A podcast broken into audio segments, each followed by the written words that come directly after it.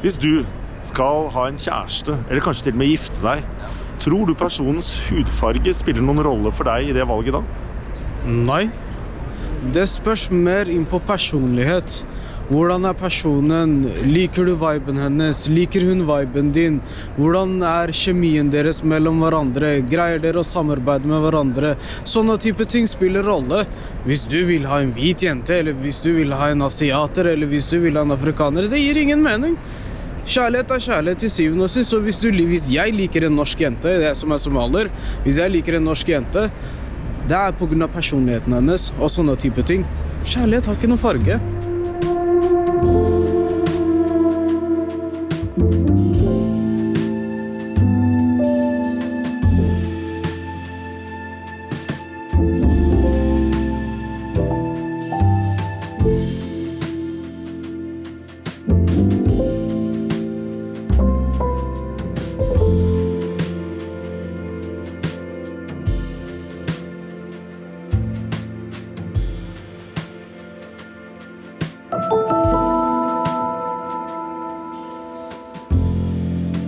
Velkommen til en ny episode av eh, Sampodden, der vi i dag skal diskutere hva da?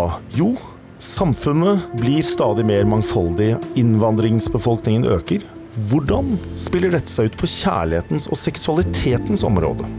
Og til å snakke om dette har jeg dere to med meg. Jakob Semb Osmundsen, velkommen. Tusen takk. Du har skrevet en eh, tekst i siste samtiden om dette. Og så har jeg deg, Daniel Abimael Skjerve Wenzel. Velkommen til deg også. Takk for det. Får først introdusere deg, Jakob, i eh, teksten som heter eh, 'Gjør kjærlighet Fargeblind. oss fargeblinde'. Er det det den heter? Gjør kjærlighet fargeblind. Gjør kjærlighet fargeblind. Der diskuterer du noen av disse spørsmålene. Eh, Det var en grunn til at jeg ba deg skrive den teksten. I fjor så kom du med en bok som heter 'Fri?' spørsmålstegn. Fanget i en seksuelt frigjort tid. Som også indikerer at det kanskje er noen eh, fordommer, oppfatninger, som styrer oss også når det gjelder det seksuelle. Eh, og så var du opptatt av å ha med Daniel her i studio. Hvorfor var du det? Nei, jeg har eh, lest noe Daniel har skrevet før om eh, seksuell rasisme, eh, og jeg nevner jo det i teksten min, så jeg syns det var naturlig å ha med han i, i samtalen. Og Daniel, du, har, du er rådgiver i, i Minotenk, som har utgitt denne boken 'Håndbok mot rasisme', der du bidrar med en tekst som heter 'Er jeg bare interessant fordi jeg er eksotisk'? Og så sitter du også i sentralstyret til FRI, nemlig en organisasjon for eh, kjønns- og seksualitetsmangfold. Og det var vel et poeng, eh, Jakob, at du som hvit mann ønsket at en ikke-hvit person som kanskje har opplevd noen skal vi kalle det seksuelle fordommer på kroppen, også skulle være representert her i drivhuset, var det ikke det? Det stemmer. Det er ofte at det er eh, de som ikke tilhører minoriteten, som snakker om eh, minoriteten. Eh, og det var jo allerede litt sånn farlig farvann mm, da jeg skrev denne teksten, fordi jeg da ikke er den kategorien som jeg skriver om. Eh, derfor var det viktig at i samtalen her at det var litt mer, litt mer mangfold. Og det er jeg helt enig i, og du skal få slippe til etter hvert, Daniel. Men Jakob, du har også skrevet teksten som heter 'Gjør kjærlighet fargeblind', eh, hvor du eh, tar opp dette med i hvilken grad vi i et moderne samfunn er sammen med folk som har annen hudfarge, og i hvilken grad vi ikke er det. Og hva det indikerer om hvor skal jeg si, integrert vi er som samfunn. Da. Og så avslutter du hele teksten med å si at dette er det presserende å diskutere. Hvorfor er det det? Det er viktig fordi at eh, jeg tror det sier veldig mye om hvordan vi forholder oss til hverandre i et eh, stadig mer mangfoldig samfunn. Um, og dette med kjærlighet og sex og er veldig intimt, og det liksom Ja, eh, få fram hvordan vi ser på hverandre på en litt annen måte enn den mer overordnede sånn samfunnsplanbiten. Um, og det sier jo mye om liksom, hvordan eh, Norge kommer til å se ut da, eh, i fremtiden. Eh, hvis vi da lar oss prege, strukturere av hudfarge, kultur. Hvordan er det familiene våre kommer til å se ut? Hvordan er det vi kommer til å forholde oss til hverandre i fremtiden? Det er spørsmål som jeg i hvert fall syns er veldig interessant å, å se på. da. Og du gikk ganske grundig til verks den teksten, fordi du kontaktet uh, Statistisk sentralbyrå ja. for å prøve å få ut uh, tall, opplysninger, om i hvilken grad vår befolkning er integrert med hverandre, holdt på å si, mm. når det gjelder særlig pardannelser. Mm. Men før du sier litt om funnene dine, så må du si om hvordan du gikk frem. Fordi det var visse språklige refleksjoner du måtte gjøre deg da du kontaktet SSB? Dette her er jo et altså mangfold eh, generelt eh, er jo et eh, vanskelig felt når det kommer til begreper, og det er mange fallgruver.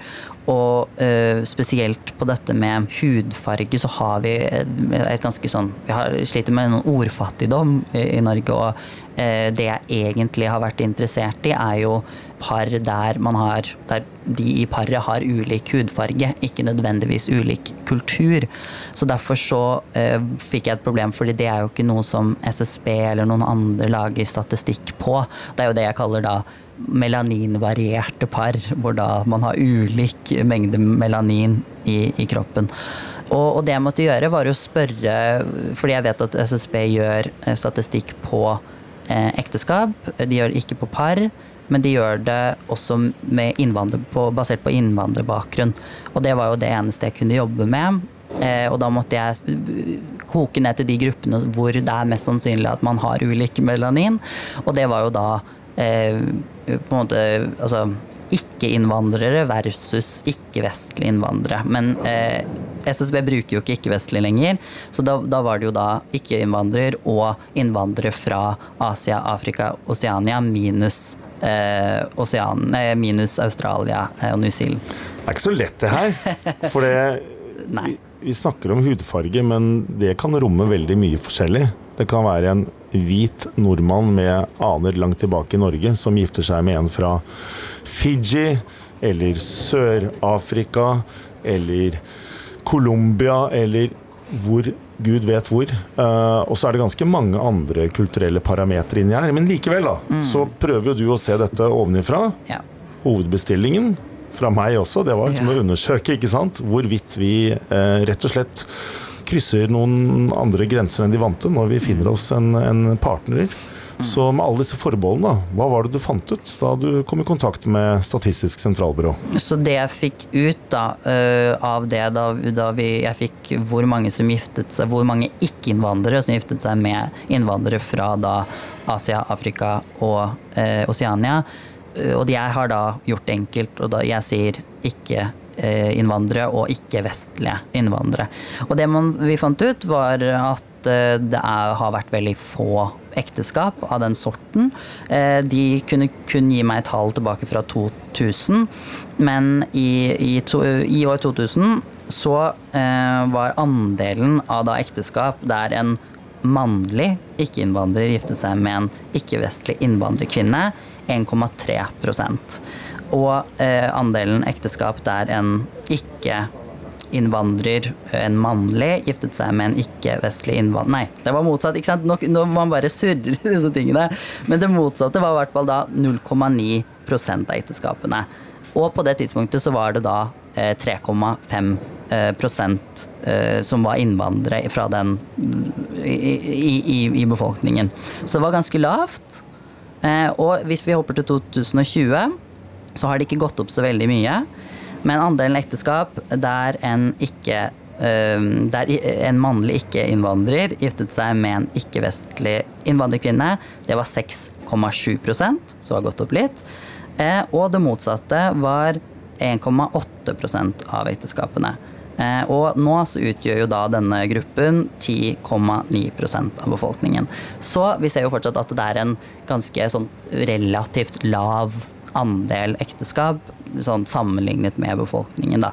Eh, men som du hører når man skal gå gjennom dette, så blir det mye krøll, og det er fordi det er vanskelig. Altså stakkar tungen din og ørene mine allerede er slitne. Ikke sant? Og så kan vi legge til at det er jo eh, underkategorier her også. Altså Ja. Du gjør et poeng i teksten av at uh, f.eks. Uh, nordmenn med bakgrunn fra uh, tror f.eks.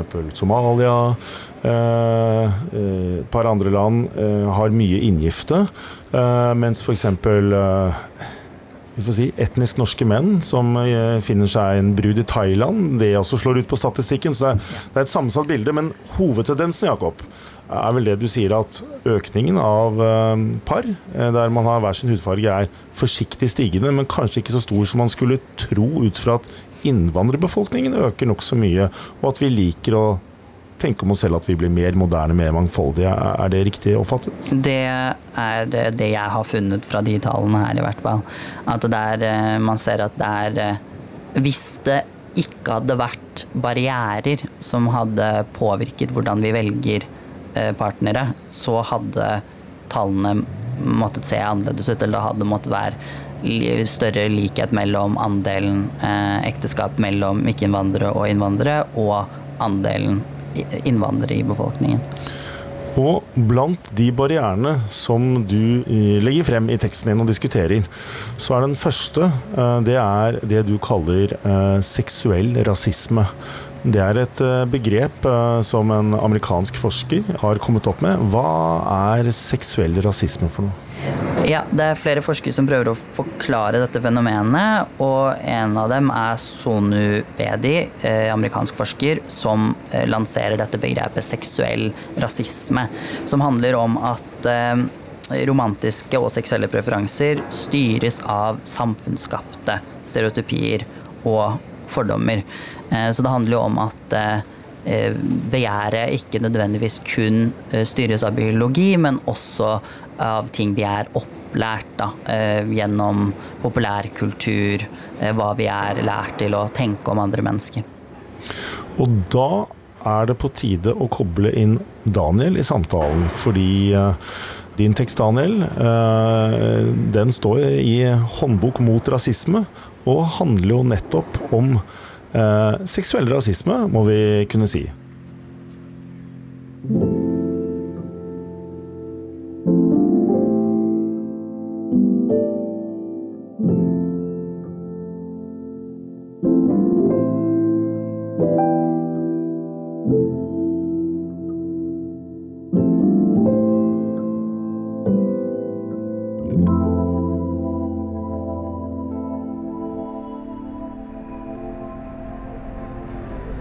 Du, jeg kom fra Sampodene. Så lurte jeg på, hvis du skal ha en kjæreste eller en date, Ja. eh, spiller personens hudfarge noen som helst rolle da? Nei. Overhodet ikke. Jeg tror jeg data folk av alle hudfarger, egentlig. Eller vært bortpå, da. You've been around. Romantisk kanskje ikke så mye.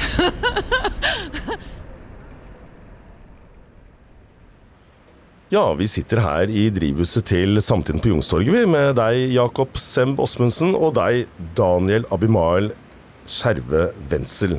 Og du, Daniel, har skrevet en tekst i håndbok mot rasisme som heter 'Er jeg bare interessant fordi jeg er eksotisk'?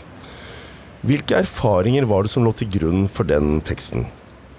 Den er helt holdent en eh, tekst som baserer seg på eget liv og egne erfaringer, hvor jeg opp gjennom årene har fått spørsmål knytta til uh, ofte hvor jeg kommer ifra, uh, og hvor jeg har fått en følelse av at folk kun har vært interessert i meg uh, basert på, på at jeg i hermetegn ser eksotisk ut. Skal det legges til at jeg er homofil i tillegg, så det har jo vært is i møte med andre skeive menn. Og jeg tror nok helt og holdent at man har et problem i skeive miljøer når det kommer også til å, å eksotifisere melaninrike uh, skeive menn, eh, men også at man har den utfordringa også i heterofile miljøer. Eh, da knyttet opp mot at eh, der også der hører jeg om at eh, veldig mange kvinner eh, med enten østasiatisk bakgrunn eller melaninrike kvinner ofte får eh, seksuelle kommentarer slengt etter seg, tilbud om eh, de selger seksuelle tjenester eh, eh, og lignende.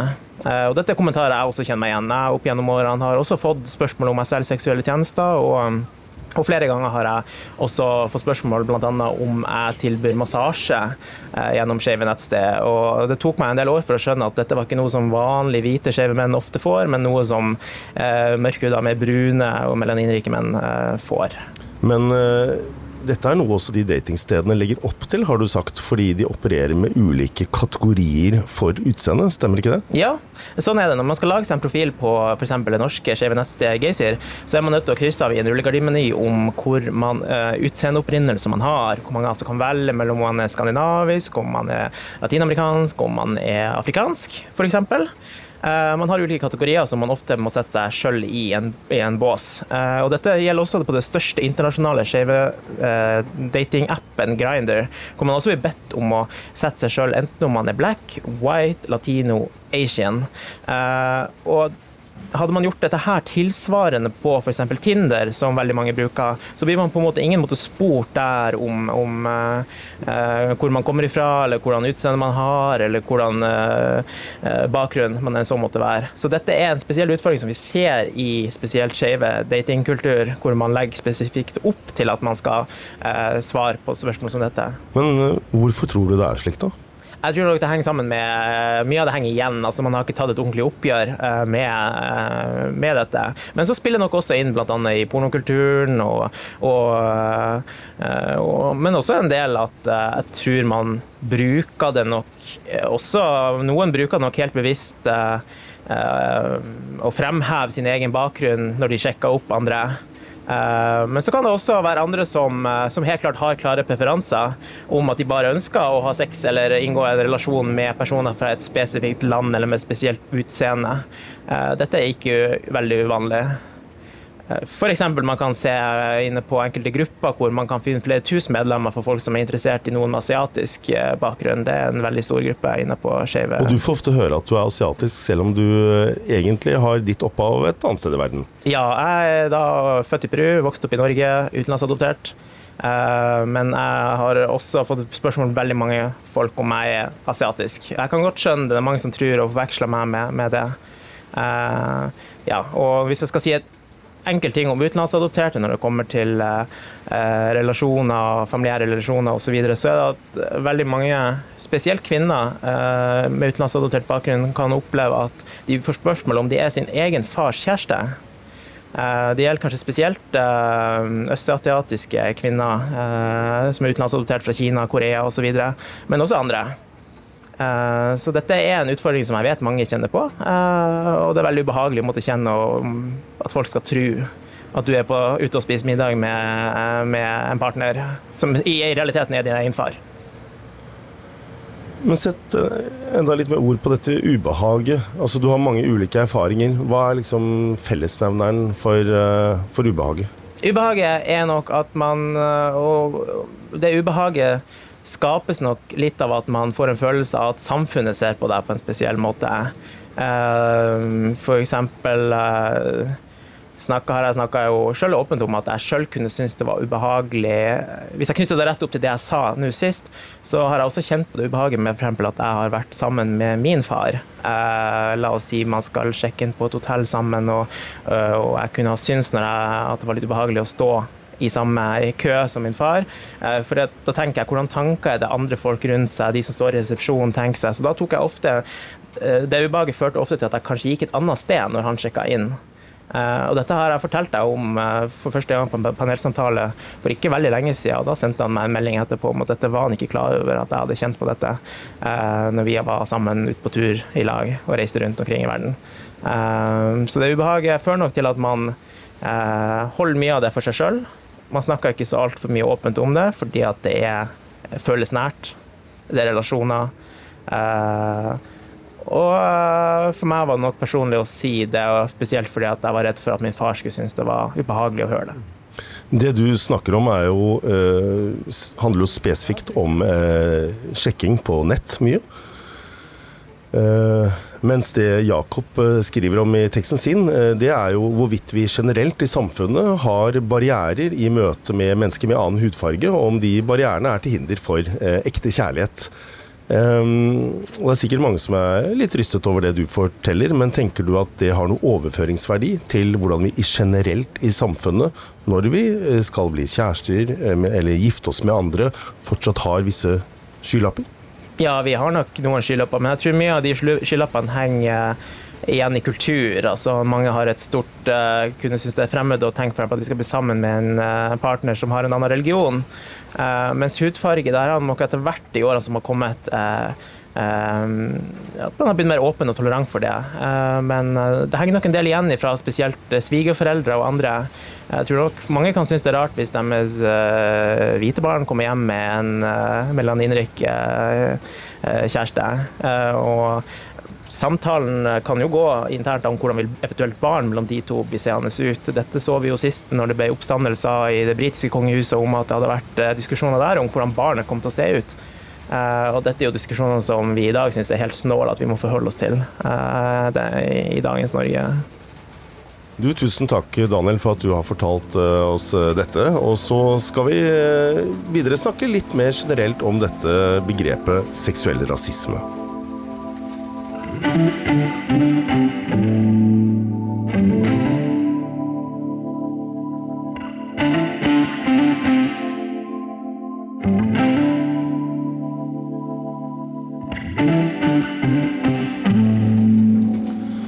Nå drypper jo litt av regn mot taket her også, men, eh, men, dere Dette begrepet seksuell rasisme, det er jo et, eh, et heavy begrep.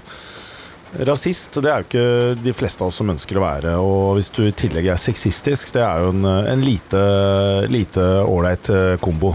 Men så er det sånn da med seksuelle preferanser at vi kanskje ikke alltid er dem bevisst uh, i det hele tatt. Hvorfor vil eh, noen gjøre ditt eller datt på soverommet? Uh, jeg vet ikke. La oss si da at jeg f.eks. Uh, Jakob uh, har en preferanse for asiatisk utseende kvinner. da. Er jeg da en seksuell rasist?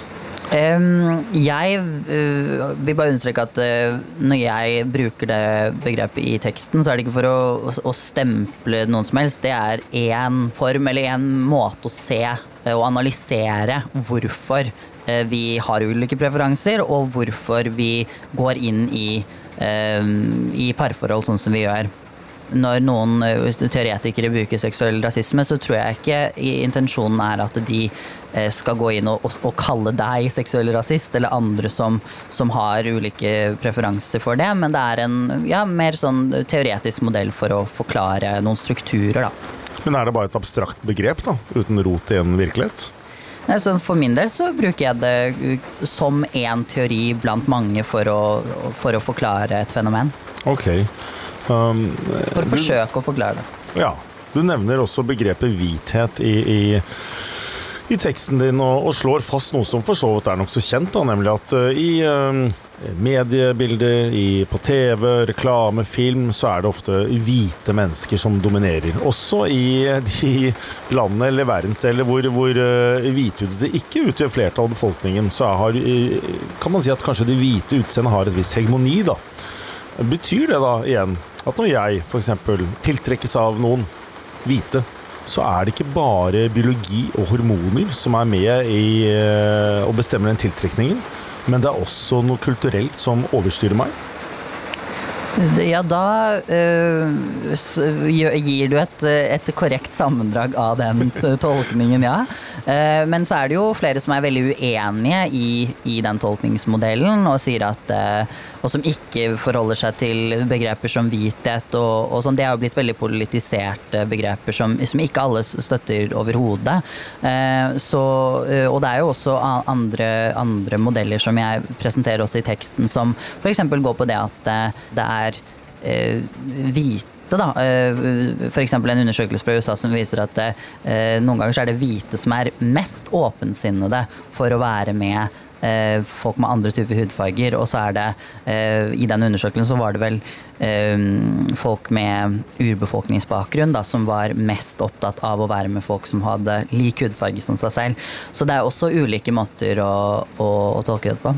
For å stille spørsmålet på en annen måte til, til deg da, Daniel.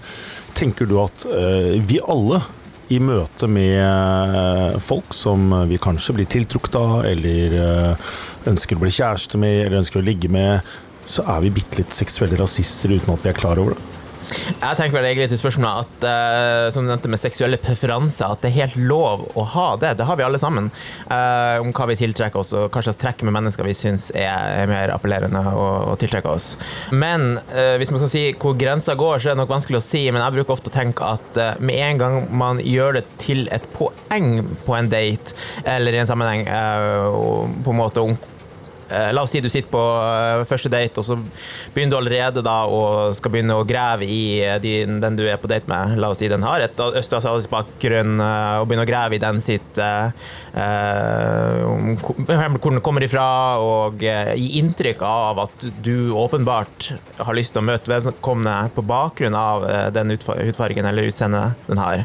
Så tenker jeg da kan du, du kan nok unnlate å ta, gjør det et poeng ut av det. For det er helt lov å sitte med å ha seksuelle preferanser. Det skjønner jeg godt at du tenker sånn, og så tenker jeg så dumt å si det, da. For det går an til og med å tenke det, eller er det helt hårreisende? At man tenker, du brukte menybegrepet, ikke sant. At hm, det er jo litt spennende å være sammen med en fra det og det landet, eller med den og den bakgrunnen. Eh, eller syns ikke du at det har noe for seg når man, eh, når man innleder en, en seksuell eller en kjærlighetsrelasjon med noen? Nei, og der går jo også på en måte Man kan jo snakke om én ting er det seksuelle, men en annen ting er på en måte hvem du faktisk ender opp med å bli sammen med. Eh, så det med følelser og eventuelt eh, forhold er jo noe annet enn nødvendigvis Ikke nødvendigvis bare det samme som, eh, som kanskje seksuelle fantasier eller, eller preferanser du har. For mange kan nok tenke at man kanskje har lyst å ha sex med veldig mange forskjellige, men ender til slutt ikke opp med noen med, som er melaninrik, hvis du i så fall er hvit. Så der varierer det nok veldig fra person til person hvordan de faktisk eh, lar det komme til uttrykk. I teksten din så skriver du i hovedsak da om eh, jeg må bare gjenta dette begrepet, seksuell rasisme eh, rettet fra eh, hvite eh, mot folk med annen hudfarge. Du kobler det på en, en lang historie av at eh, europeiske land har kolonisert andre land, og med det så følger det noen fordommer mot den andre innbyggere i, disse landene. Så finnes det jo fordommer, vil jeg hevde, da, kanskje innad eh, innenfor ulike hudfarger. La oss si når det gjelder hvithudete, da. Så kjenner vi jo alle til eh, stereotypien om eh, den rødhårete, litt sånn viltre og, og villige kvinnen. Er det noe annet? En annen form for seksuell rasisme når det er innenfor en hudfarge, enn når det er mellom folk med ulike hudfarger? Hva tenker dere? At det der spiller jo på en lang historie, og uh, når vedkommende da utelukkende hvit, selvfølgelig finnes det helt klart uh, jokes om uh, Og det er nok mange rødhåra opp, opp gjennom årene som har opplevd mye, men det det er en annen kontekst hvis man trekker, trekker, det på en måte inn mer i en kolonistisk og ser på rasisme som en mer historisk kontekst, og prøver å forstå hvor den opprinnelig kommer ifra, og, og hvordan den har utvikla seg over flere århundrer man bør nok ikke koble den tematikken like mye inn i, eh, i den mer eh, brede forståelsen av rasisme. Hva tenker du, Jakob? Det kommer jo an på hva man skal kalle de ulike tingene. Og også det, sånn som, eh, det å kalle noe seksuell rasisme, det er jo som du sier Det oppfordrer jo litt til provokasjon og kanskje mer polemikk Eh, fordi at det er så betent, eh, rasismebegrepet. Men, men dette med innad, man, man, man, ser jo det også innad i ulike altså minoritetsmiljøer, så er det jo mange fordommer mot hverandre basert på andre parametere som klasse og kjønn. Eh, så det er jo ikke sånn at det er kun på tvers. Det er det jo ikke i det hele tatt. Men nå har vi snakket mye om seksualitet, dere. Om rødhåret og folk som ser sånn eller sånn ut. Vi må snakke litt om kjærligheten også.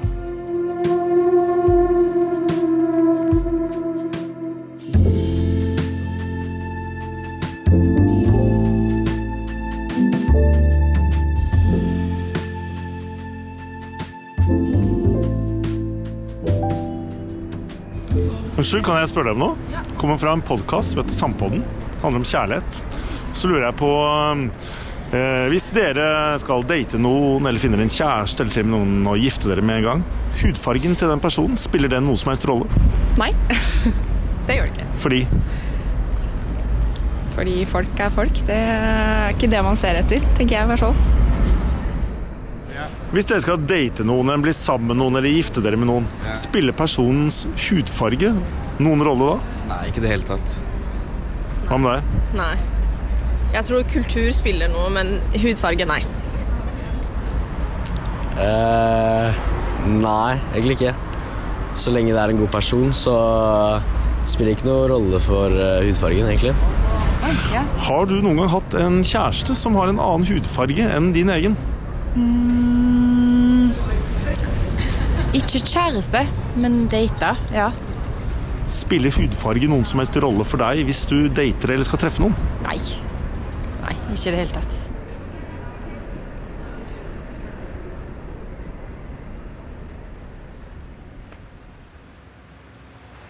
Jakob eh, Semb Åsmundsen og eh, Daniel Abimael eh, Skjerve Wenzel. Vi sitter her i samtidens Drives på Youngstorget, der det er noe voldsom trafikk bak oss nå. Og litt regn, og det har begynt å bli litt mørkt. Men vi holder ut. Og nå har vi snakket en del om seksualitet og hudfarge. Vi må snakke litt om kjærlighet også, Jakob. Fordi du startet vel å skrive denne teksten med en slags antakelse da, om at vi som samfunn kanskje fortsatt har noe å gå på når det gjelder å uh, bli sammen med folk som er annerledes enn oss selv.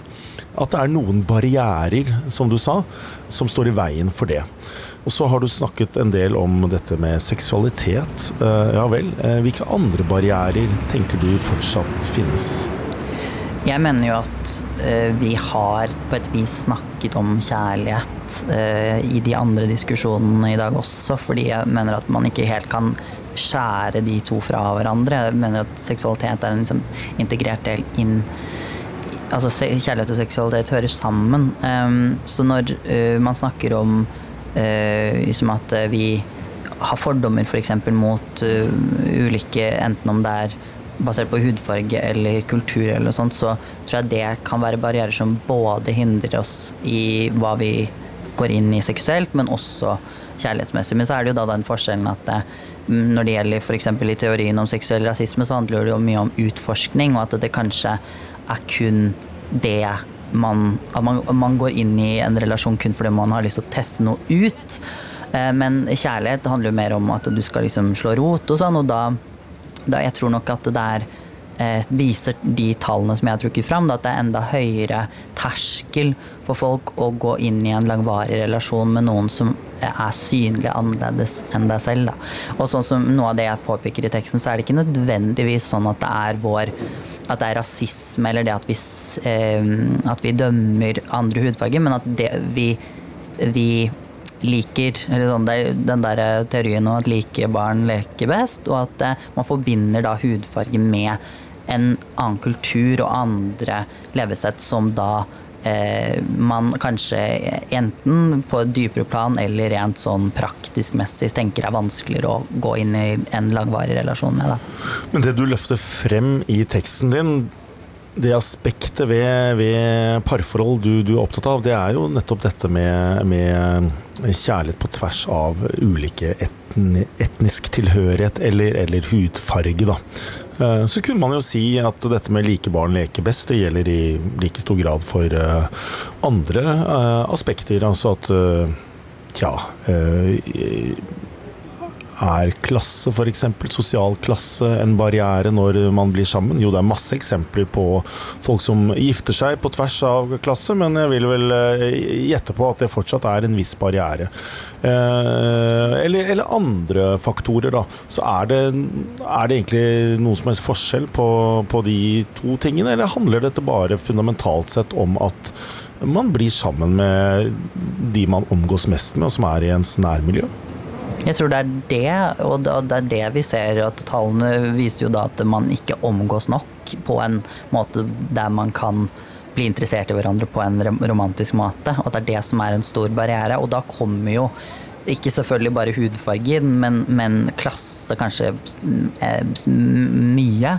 Um, og, og, det at, eh, at, det kanskje gjør at uh, Men også sånn tradisjoner, sånn som når man ser på at det er veldig mange fra visse eh, land som har høyere grad av, av eh, altså ekteskap innad i sin gruppe, så er det jo også fordi det er forventninger og kultur knyttet til det. da. Daniel Abimael eh, Skjerve Wenzel og Jakob Semb Osmundsen. Vi skal begynne å runde av. Og når vi sitter her, så er det jo kanskje med et visst håp, da, for å bruke dette ordet frihet, som, som går igjen i, i, ting dere begge har jobbet med, om at vi skal kunne velge seksualitet eller seksuell utfoldelse og kjærlighet helt fri fra alle mulige båser vi putter oss selv eller blir puttet i som eh, mennesker. Så hvis vi snur på det, da. Eh, for det er mulig å se for seg et samfunn der man blir sammen med hvem som helst, uavhengig av alle disse kategoriene. Hva tenker dere man kunne gjøre for at man blir kvitt stereotypiene og kommer noe nærmere en, et sånt mål? Eh, Daniel, du først. Mye styres nok av uh, hva slags tanker og fordommer vi, uh, våre partnere eventuelt blir møtt med uh, fra hverandre sine svigerforeldre og øvrig familie. det er nok det som på en måte er et hinder for veldig mange. Du kan på en måte si Når det kommer til hudfarge alene, så har nok mye endra seg de siste årene. Går man tilbake f.eks. 80-tallet og for så vidt 90-tallet òg, etter hvert, og kom man hjem da som hvit og hadde med en mørkhuda partner så vil nok mange sperre opp øynene uh, i familie og tenke hva som skjer her. Uh, når det kommer til uh, kun hudfarge i dag, så tror jeg nok mange, mange foreldre har nok moderert seg og, og etter hvert har akseptert det i mye større grad. men i dag er det nok kulturen igjen som er hvor man har ulik kultur, eller ulik religion spesielt, som er en av de største utfordringene og som vi jobber veldig mye med. Og da tenker jeg spesielt på på religion. Altså Integreringsbarometeret fra 2018 viser jo at det er fortsatt over 50 eh, som, som, av de spurte i den undersøkelsen som svarte at de ville vært negative hvis eh, deres partner kom hjem med en muslim. Så det er en ganske stor andre befolkninga som likevel ikke ville akseptert det. Til gjengjeld var det bare ca. rundt 10% som var negativt hvis han kom hjem med en kristen person. så det er fortsatt lang vei å gå, altså det med, med å inngå partnerskap på tvers, og vi er ikke godt nok eh, integrert eller inkludert i hverandres sine liv før vi faktisk gifter oss også med hverandre. Hvis du skulle komme med et ønske, da, hva, ja. hva skulle du ønske kunne skje? Jeg føler egentlig at det ønsket er i endring allerede nå.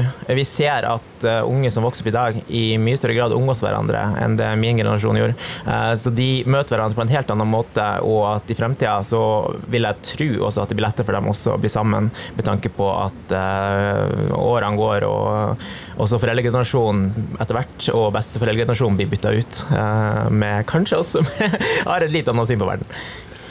Jakob, eh, du får siste ordet. Hva tenker du skal til for å bryte ned noen av disse stereotypiene eller barrierene som finnes der ute?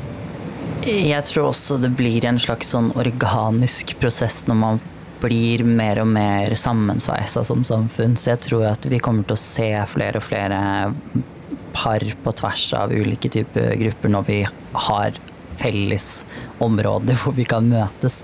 Men det er derfor sånn, eh, det er litt skummelt å se at så mange er f.eks. avhengig av da datingapper og sånne type hjelpemidler for å, for å finne kjærlighet og finne sex, fordi da har man en større mulighet til å filtrere bort. Da. Så jeg håper at vi har i fremtiden også arenaer hvor man kan møte hverandre og bli forelska.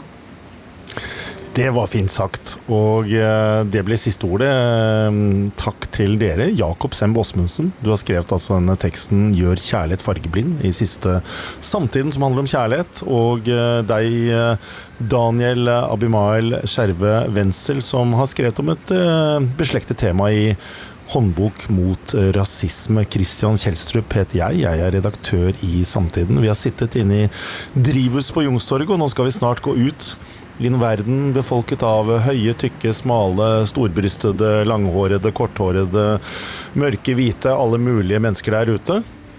Så skal vi finne ut av tilværelsen.